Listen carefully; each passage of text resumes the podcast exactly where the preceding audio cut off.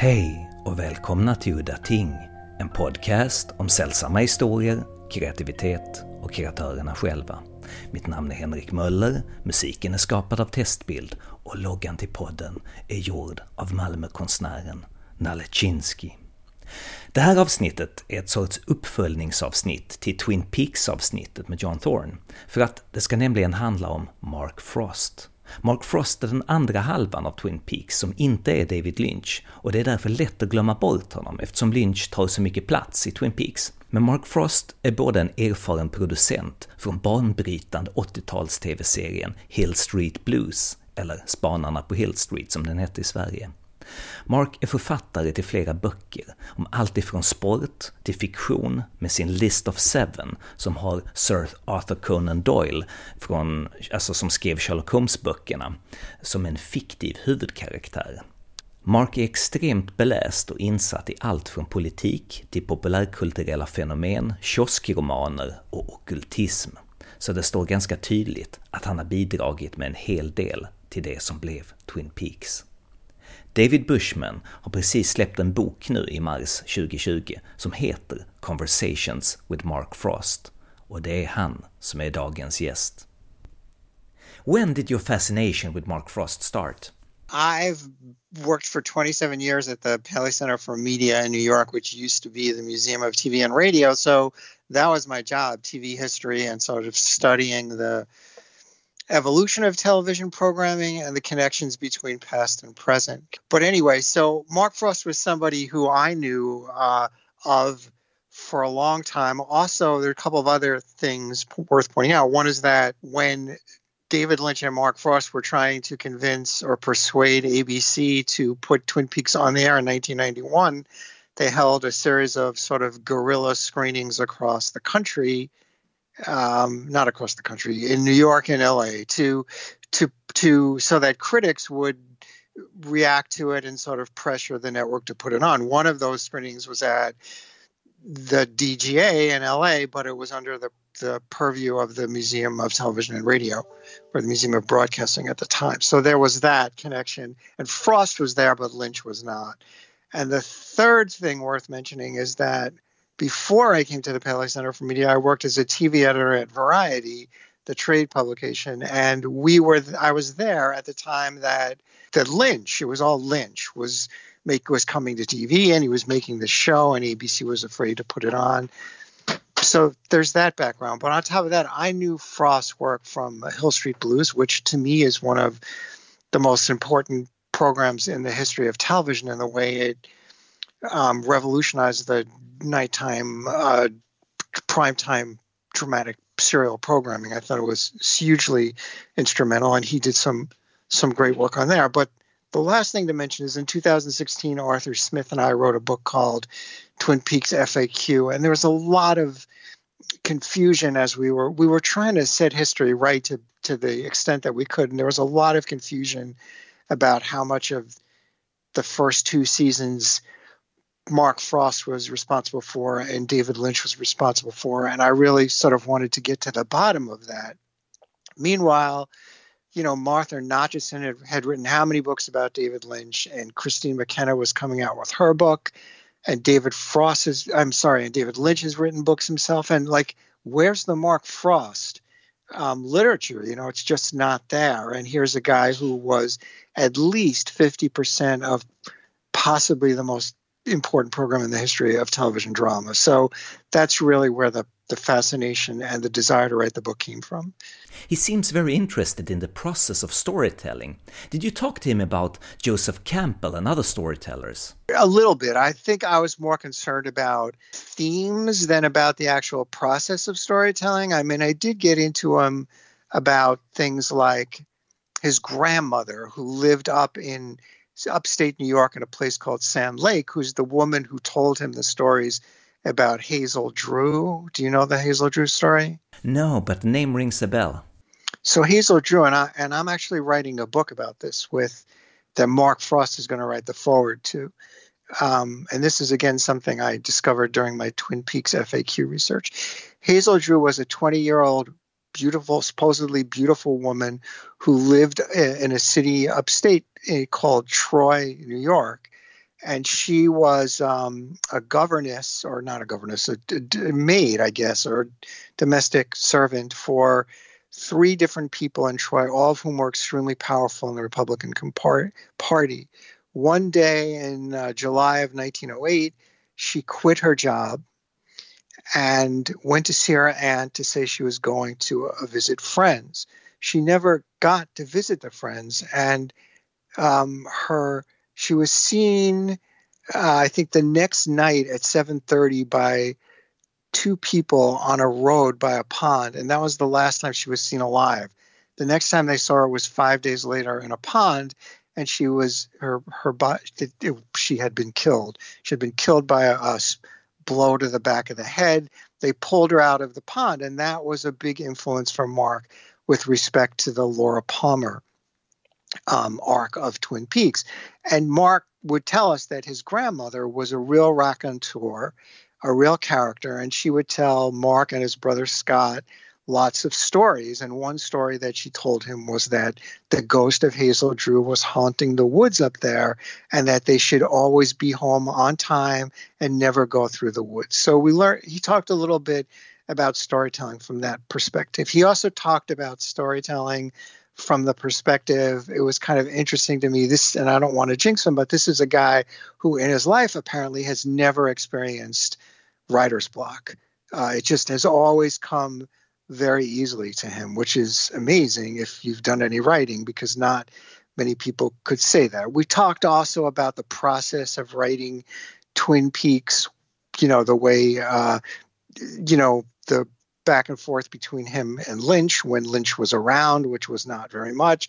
The whole concept of the writers' room in at Twin Peaks versus the legendary writers' room at um, Hill Street, which, which had David Milch in it.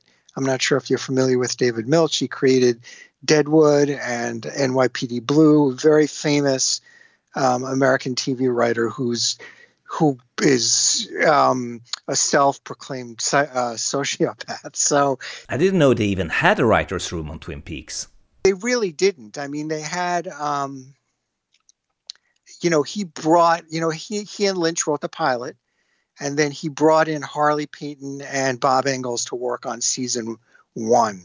And the writers' room was extremely different from the situation at at Hill Street. If you read the book, you'll see that he goes into very um, specific detail about what it was like in um, it, at Hill Street, and it was. He actually says, you know, it was fierce and sort of extremely competitive, and everybody had to bring their A game because everybody was kind of like yelling at everybody else and, and challenging everybody else. But um, at Hill at uh, Twin Peaks, it was nothing like that at all. It was just, I mean, Mark ran that room as opposed to uh, Steven Bochco running the room at Hill Street, but it was really just a couple of. Um, they would some either either Harley Bob or Mark wrote the script, and those were like the three staff writers, or they would have one freelancer assigned to do something, and they would work. They would turn something in, and then Mark uh, Harley and Bob would sort of go over it. So the writers' room that you think of now and that and that was really kind of invented in the Hill Street situation did not exist for Twin Peaks.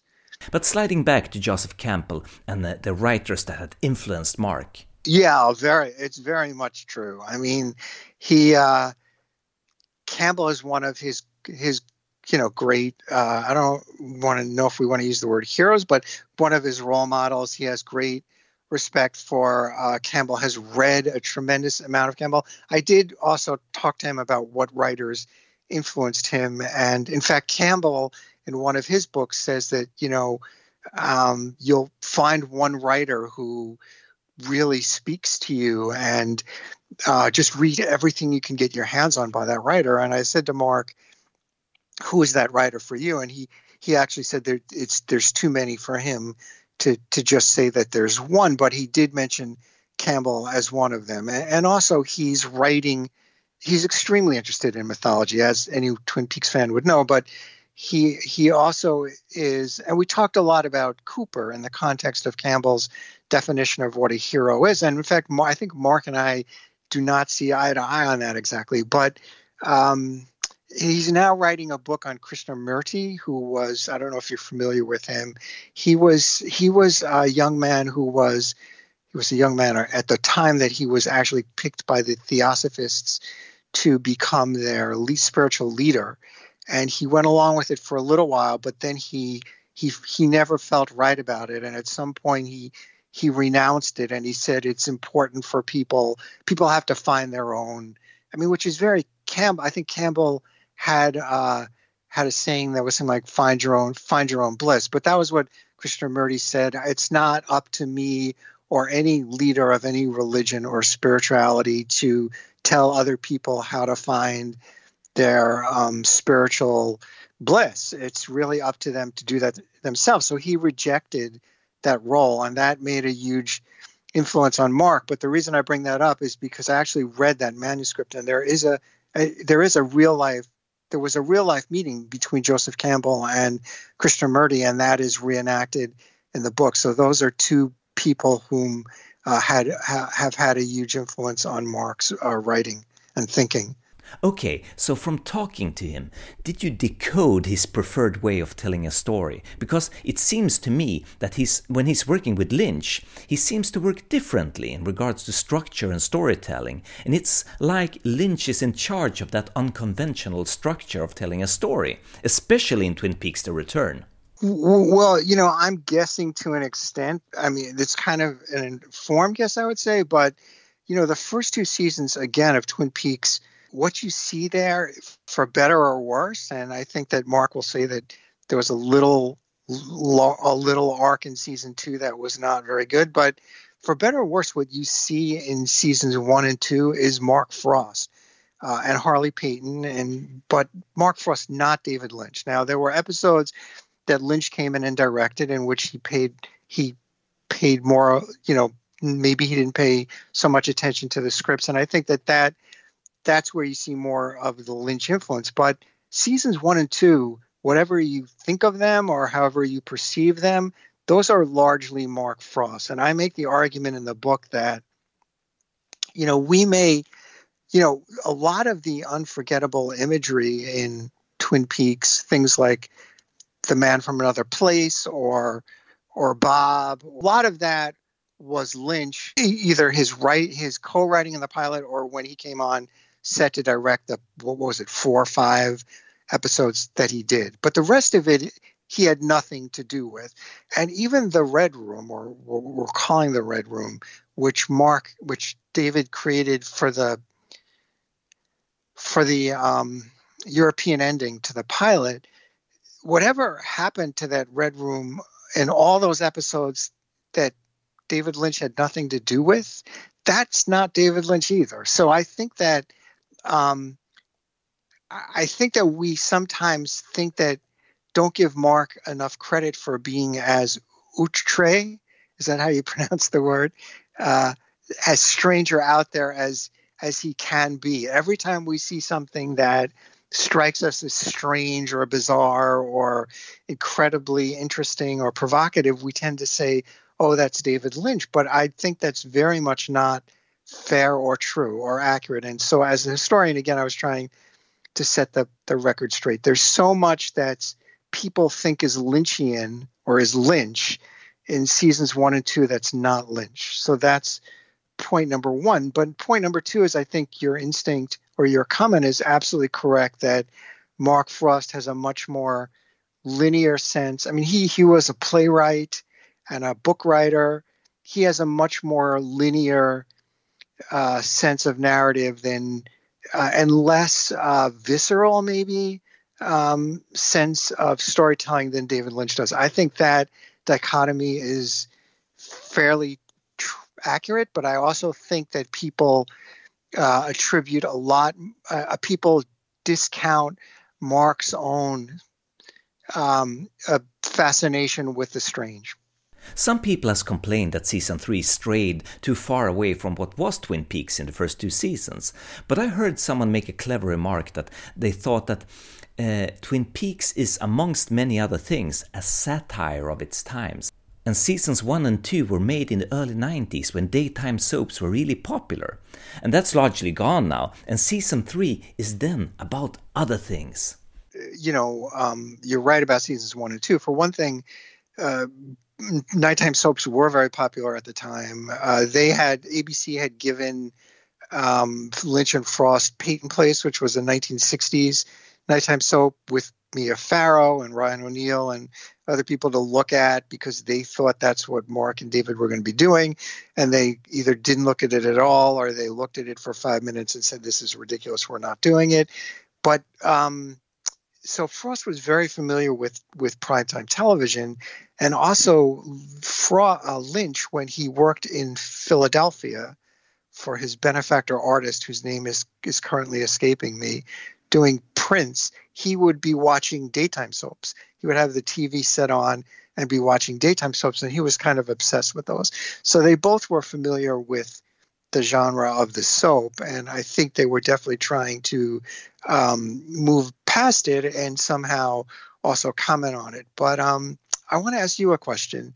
You mentioned the difference between seasons two and between seasons one and two and seasons three. What did you think of season three, and what do you think of it in comparison with seasons one and two? Did you talk to Mark about the alternate timelines and or alternate dimensions in the return? I only talked to 50% of the partnership right? And if I talked to the other 50%, meaning David Lynch, he wouldn't answer me about these things anyway. But I'm really left with the belief that there was a lot of, I mean, you know, Mark Frost himself said everyone has their own interpretations and they're all valid. I think a lot of it that people uh, are seeing is not anything intentional. And I, I could be wrong.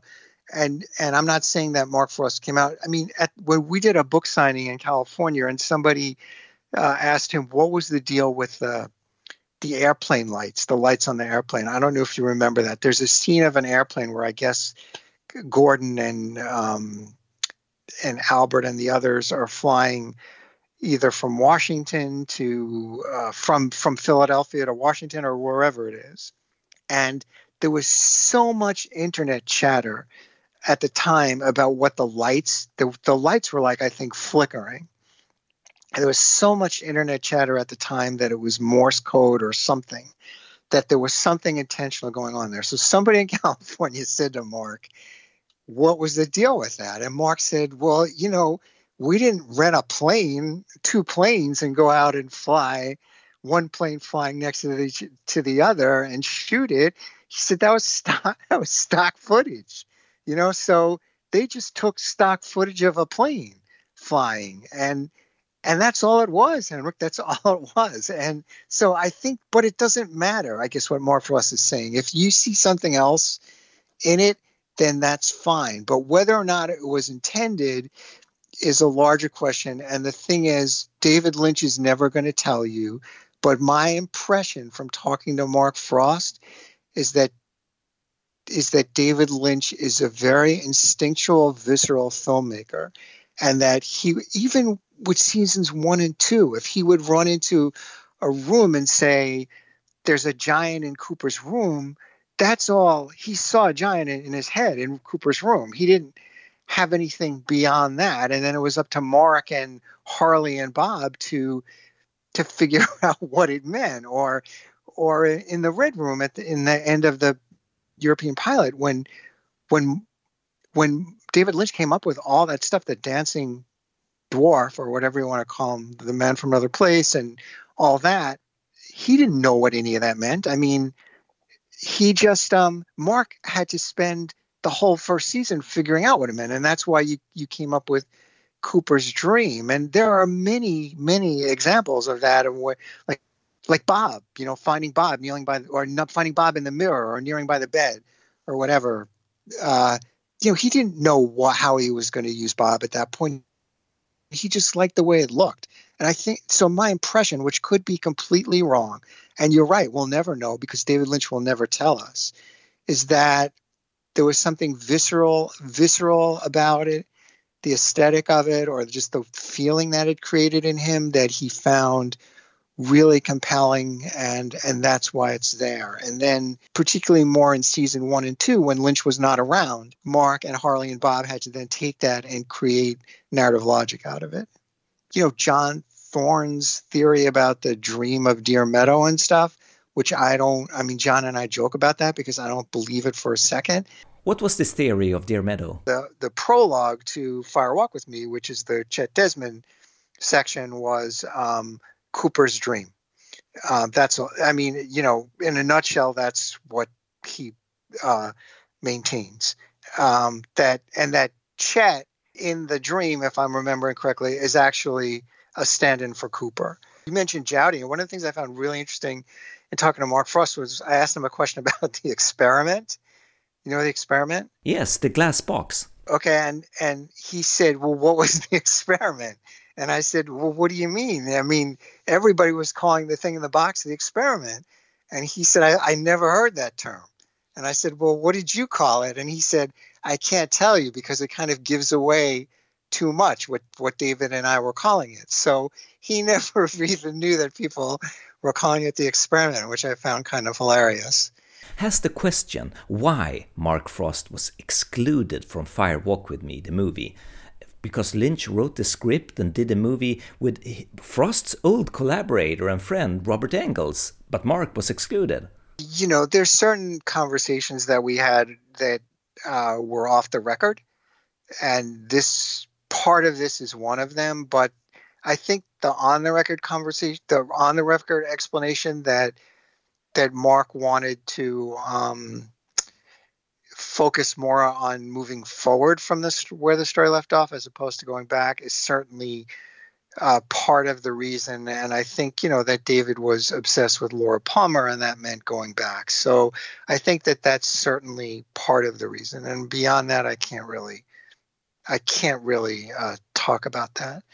Mark Frost is very well read in literature. Have you?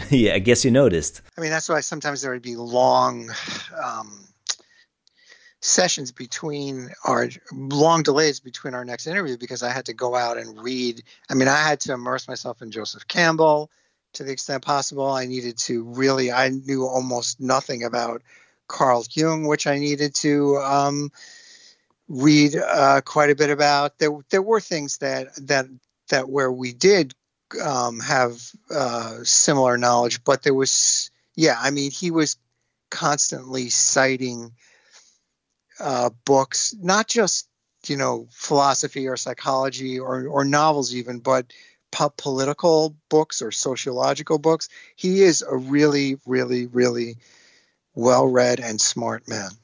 Did you talk about Weird Tales magazines or any other horror supernatural stories? Because I was thinking of a particular story called The Red Lodge by H.R. Wakefield he and Harley and um, I don't know if Bob Engels was ever asked, but they they say that they didn't know about that Talbot Mundy book, uh, The Devil's Guard, which also deals with this the two lodges extensively, as does so much of Theosophy. And he was and and Mundy was was uh, heavily influenced by by the same Theosophy that Frost was. But what I was going to say was the whole Richard Shaver thing and the Lemurians. That all comes out of that sort of I don't know, not early 20th century, but mid 20th century weird tales type um, pulps that Ray Palmer was publishing. So he he had some familiarity with that stuff, but we did not talk about the Red Lodge. You've certainly piqued my interest. He there's there's a writer named Edward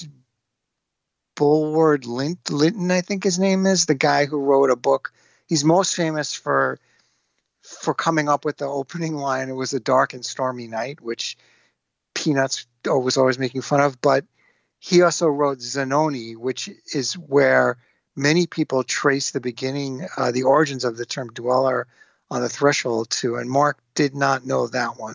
So, but I think his his lodge um, his lodge knowledge is largely um, from his immersion in or, or fascination as a I think of um, outsider or spectator or student of theosophy. I mean, he never bought into it, but I think you know lodge the lodges are a very important part of that mythology, and I think it largely comes from there.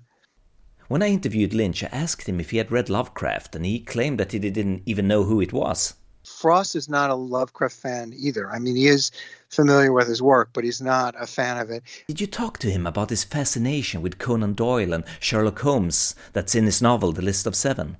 Yeah, I mean, he had, you know, had read all the the Sherlock Holmes books as um, a child. I think that he, I think he tried to take uh, obviously Holmes as his paradigm for for Jack Sparks, but but he tried to make him a little bit more multidimensional and maybe a little bit more uh, messed up and darker. And although you could argue that Sherlock Holmes was dark enough, but I think he tried to um, try to make it a little less dry. I think he felt that maybe those stories were were a little dry. Um, and uh, you know his his concept he he was they were very close to making that as a film. And then they ran into all sorts of problems with it. And then now he kind of feels like the robert downey jr guy ritchie films. I think there are two of them right? I think he feels that that kind of represented um, his more or less his perception of who Jack Sparks was, and so he also I he also wanted Downey to actually play. I'm trying to remember if it was to play Holmes at that time, not Holmes but Doyle. I guess Doyle, I guess Downey was maybe not so big at that point, and he might have even just been going through rehab and stuff. And Frost said, you know, he's gonna be Iron Man in any day now. You know, he's he's like filming this Marvel stuff and he's going to be a huge star, but he just couldn't get them to to back to back it with Downey. So that was one problem. I think another time, or maybe he maybe he was Jack Sparks, and could be. I think another person they wanted for the role was Hugh Grant, but then Hugh Grant ran into that problem with the prostitute in Hollywood, so then he wasn't available. But um, he also knew everything you know there was to know obviously he had to know a lot about not just not not just Sherlock Holmes but also Doyle and Doyle um, I talked to him you know at length about Doyle's um, subsequent I mean Doyle is something of a skeptic at the beginning of the list of seven but he eventually embraces um, spiritualism and uh, in fact I think, um, and you know, Mark talked about how he that's not uncommon for people in his situation was was that he lost a son in World War One, and I guess you know there's like this strong, strong desire to reconnect with that person, and so he um, he became something of a spiritualist, and in fact, um, as I understand it, he said if he had written a third book, he was going to bring Houdini into it, but Houdini and Doyle had a huge falling out. I don't know if you know this or not, and it was all around the fact that um, Doyle's wife, who I think claimed to be a um, what's the word for somebody who can communicate with the dead? Yes, a medium held a seance where she purported to talk to somebody that Houdini was close to. Um, the details are sketchy right now, but that he thought it was a fake Houdini and he got really angry. And I think that ended his relationship with Doyle. So I, you know, because I said to him, isn't it kind of strange that this guy who created this character who is so um, focused on logic and material evidence and um, would would become such a huge uh, deeply embrace spiritualism and he explained to me why that happened Doyle famously believed those photographs of the fairies. The uh, movie was made about that, and then those were proven to be fake, uh, doctored. So um, he's a really interesting man, Doyle, in and of himself. And we talked about that, yeah. I see a recurring theme here with the mixing of real historical figures with fictional ones. I mean, they, they wanted to do Goddess, the Marilyn Monroe biography. He's extremely interested in history. I mean, his uncle was. I, th- I think he wants to write a book about FDR. His uncle was an advisor to FDR, and um, you know he's extremely interested in politics and history. And you know, the Marilyn Monroe book, obviously, you know, politics plays a hugely important role in that with respect to her relationship with the Kennedys and their involvement or not with her with her death, which Anthony Summers, who wrote Goddess, clearly believed that that there was a connection there, and so. Um, but I think you know, in I mean, even and then all the nonfiction books that he wrote too, even though they're sports books or they're all about historical figures as well, whether it's these golfers or the members of the Boston Red Sox and and um, the Cincinnati Reds. But yeah, he's a huge student of history, and I think that he loves uh, doing that kind of research. Is one of the things I, I think that I asked him why he didn't direct more, and you know he said I I think he likes working alone and just sort of immersing himself in whatever it is that he's doing, and that largely is about research. I know to to research the in the pre-internet days to research the list of seven, he actually went to the British Museum, which is the sign of a major scene early on. And that's, I think, at one point he turned the corner and he saw like a big sign or poster of um, Helena Blavatsky from the from Theosophy, and I think he sort of thought, you know, that that was possibly a sign or that it was really weird. But he, I think he loves the, you know, in fact, when I was in Ohio with him just now, when we were waiting for the signing to take place, he took me into the um, room of rare books. And it was really interesting because those are, you know, it's, old, old stuff. And you can smell the must, you know, it was the smelling, the smell that you get when you go into a room with really old paper. And, you know, we were both sort of commenting about how much we love that smell and how much, you know, now with computers and things, uh, you know, that's kind of disappearing. It's obviously something that's really meaningful to him. In hindsight, it seems to me that Lynch and Frost bonded over popular conspiracy theories. Well, so here, Henrik, here's my thought about that. First of all, Lynch had absolutely nothing to do with the goddess. He had agreed to um, direct it, but it never got that far. So he had never had any input whatsoever into the script. And I think that Mark's Mark's thought, and I, I guess the sort of conventional wisdom would be that Lynch was attracted to that more so because of the sort of wounded young blonde woman, which seems completely in keeping with uh, his work and his oeuvre over the years. And I think that a lot of the conspiracy stuff, I think, I mean, you may have specific ideas in mind that I'm not thinking of, but I think a lot of that was, again, not anything that Lynch had anything to do with. But I do agree with you that it's it's an obsession of Mark's and that he was going back to the 60s when there was a, I don't know if you're aware of this or not, but there was this big rumor going around that Paul McCartney had died. And if you played certain songs backwards on, on the LPs, it would say Paul is dead. And he was into that. He was into the JFK stuff, like who killed JFK. He, he's always been, Mark has always been interested in that kind of stuff. Uh, Lynch, I'm not so sure about. Well, it seems like Frost is a bit too wise to seriously believe in conspiracy theories. Some newspaper writer or, or academic or somebody said that he seems uh, to approach these things more from the point of view of being tickled by them. And, and I asked him whether that was an accurate description. And, and he kind of said, I don't know if tickled is the right word, but just kind of, you know, he finds them interesting. But but I think you're right from a from the perspective of uh, an outsider who's kind of studying what they mean. You know, like why are they there? Like why why are we so obsessed with these conspiracies and and so on. So yeah, I think your your general point is absolutely true. So now, the topic of this famous unmade TV TV series by Lynch and Frost called The Lemurians. There was a documentary I saw in Sweden, it was made in the 90s, where a producer told this pitch.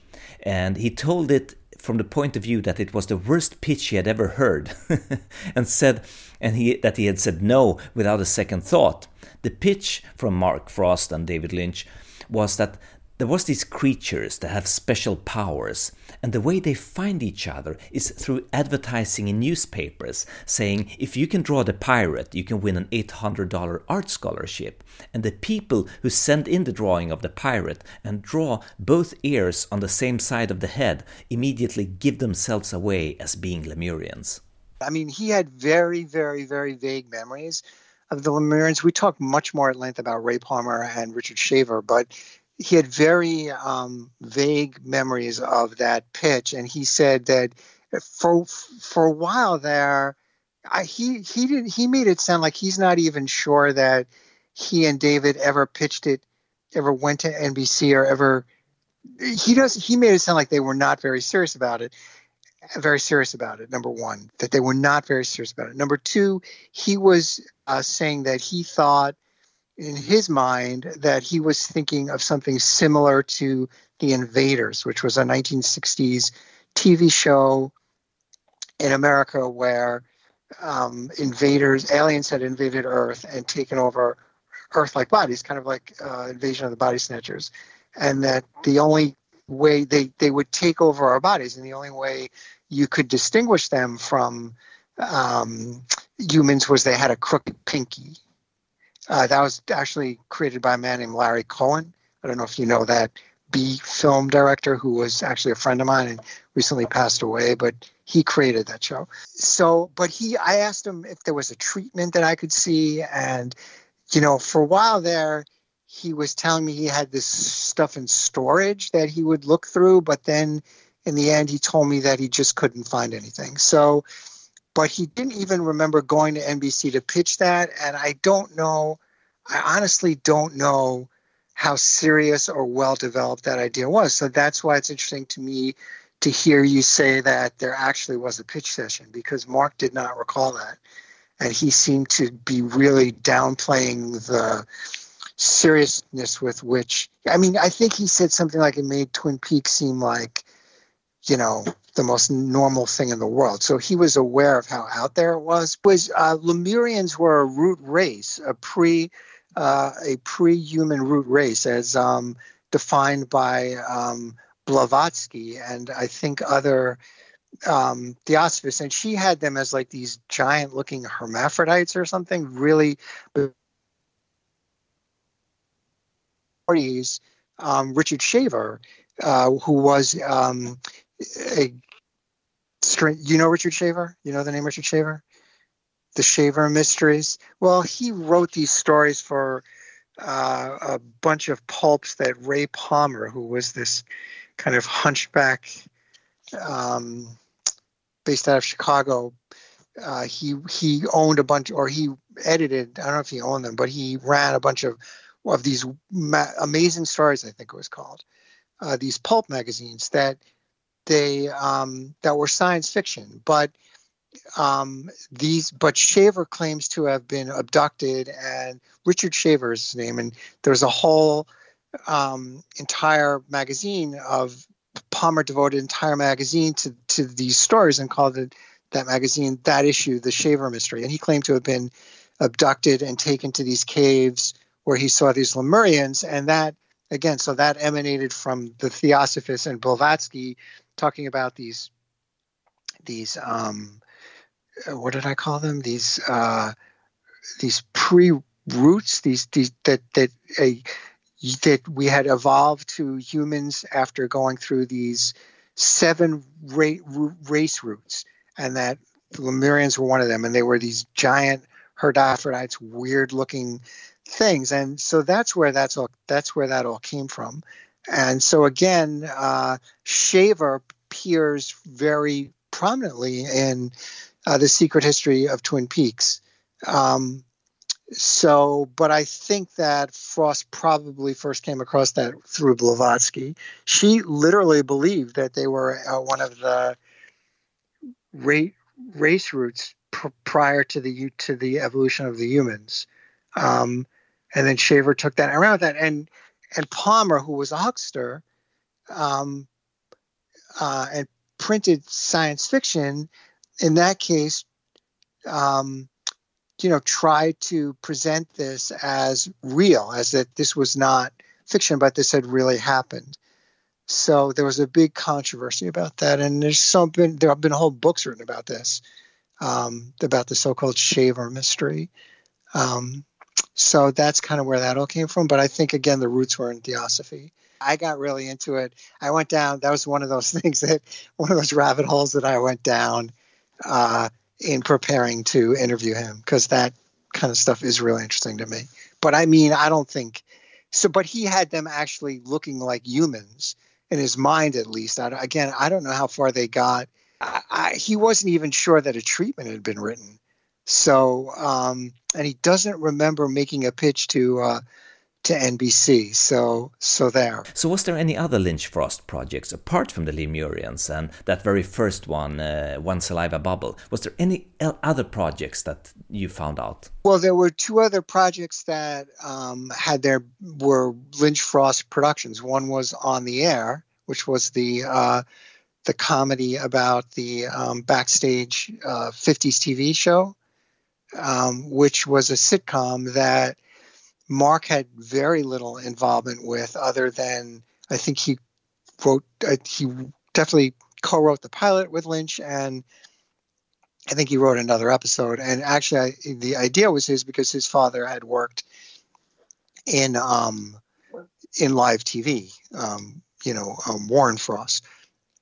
But um, so they they had that, and that was another one that that they made something like I'm, I, my memory can't be perfect, but about 10 episodes and only about four of them aired because ABC or I think it was ABC, it could have been Fox, um, pulled it. It was not doing well. So, but that was something that Frost had almost no involvement with, with whatsoever. And I think uh, Bob Engels may have been the, the showrunner on that. And then they did, um, again, that they did that at the same time, more or less, that they were doing Twin Peaks because they owed Spelling these other programs. And the other thing that they're both that's a Lynch Frost production is um, American Chronicles, the documentary series that was on at the same time as Twin Peaks. Also, again because they owed Spelling another program, and that was I don't know if you've ever seen that, but that's like these half hour documentaries that sort of go all over the United States, looking at different kind of strange. uh, Frost called them doc, docu poetry.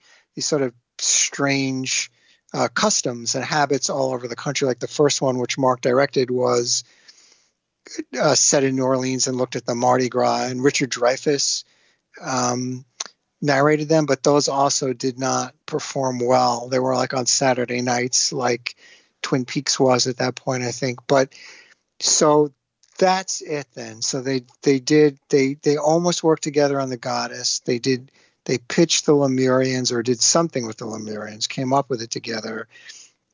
Then there was Twin Peaks. Then um, on the air and uh, American Chronicles both did get on the air, and then I think they split after that, and then they came back at Mark Frost's uh, suggestion to do the return. You know, now things like uh, Fire Walk with Me, Frost is credited as an EP, and um, you know Mulholland Drive. I don't know if he is, and he may not be, but I know that I th- I know that that was something that they had talked about. That that emerged from their discussions about spinning off uh, Audrey, uh, going to Hollywood to become an actress, which is what happens to Naomi Watts in that in that movie. So they did there there are connections there as well. Did you read the book? There's a great new book that came out called The Big Goodbye. Have you read that book? It's all about the writing, the making of Chinatown, and one of the really interesting and unforeseen things that happened in that book is it turns out that um, Robert Towne, who's a very famous uh, Hollywood screenwriter, and yeah, he wrote Chinatown. He wrote uh, almost everything that he wrote, he worked with on this guy named Edward Taylor, who never got any screen credit at all. I mean, when I was reading that, I just didn't understand how Edward Taylor would let that happen because there's a lot of money at stake here. So, so if we rewind the tape, so to speak, and go back to Twin Peaks, did you press in on any of the mysteries? Like, if it was Sarah Palmer who got possessed by that frog moth that crept into the mouth of that little girl, was that little girl Sarah Palmer? The Twin Peaks chapters of this book were the hardest chapters to write because there's just so much baggage going on there, and also, you know, he, it was wasn't his work alone, so he couldn't. You know, when you're collaborating with somebody and you respect that person, your hands are somewhat tied in what you can say. So there's that too. And I was definitely I pushed him quite hard on Sarah Palmer, and I would say I was not in any way satisfied with the answer that he gave me because he was insisting that nothing that happened in the return was contrary or conflicted with anything that we had seen previously. And I said, you know, a lot of people saw, for example, Fire Walk with Me, and they interpreted that as meaning like this mother who enabled her her um, husband to abuse their daughter and sort of turn the other way. And now you're telling me that there was some demon inside of her. And so I went on and on with him about not just that, but other things about Sarah Palmer. And and he just maintained that there was not um, nothing that I mean, he definitely um, confirmed that from his perspective that that frog moth, that girl was Sarah. The frog moth went into her mouth and that was sitting latent in her, I guess, for all these years. And I guess the point, I mean, he didn't say this, but I guess the point was just that uh, it was latent and, and, and at the time that all that was happening, perhaps she was not yet awakened. That that frog moth, whatever demon was inside that frog moth, was still waiting to. Um, it's like a sleeper cell or something, waiting to be activated. But but he just kept insisting that there was nothing contradictory about how Sarah Palmer evolved in season three. And also, I asked him about uh, Bob because he's clearly of the opinion, if you read the book, that that Leland killed Laura, that Leland did. And and I said, well, you know, what about season three and all that stuff? You know, like Judy and or Jowday and uh, everything that happens as a result of Part Eight, and uh, you know these those all those engineers that you saw running around. I mean, you know, he said that um, that just presented that didn't change his thinking. That just presented an alternative perspective. So here again, I think that Mark Frost, who's very interested in psychology and philosophy, if it were up to him, he would say that Leland invented Bob, but I think that, and I'm talking off the top of my head here, but I think that David Lynch, who's more interested in the kind of um, cosmic, uh, unexplainable reasons for evil or whatever, I think Mark is more rooted in that evil is is human, and I think David Frost was proposing, uh, David Lynch was proposing, whether he believed it or not, and I don't think that matters. I think he was just presenting the the scenario that it was coming from from somewhere else, from other some other dimension or something like that. Well, Lynch has called Leland Palmer an innocent because he was possessed by Bob. There you go. That's a, a fundamental disagreement then between between the two of them.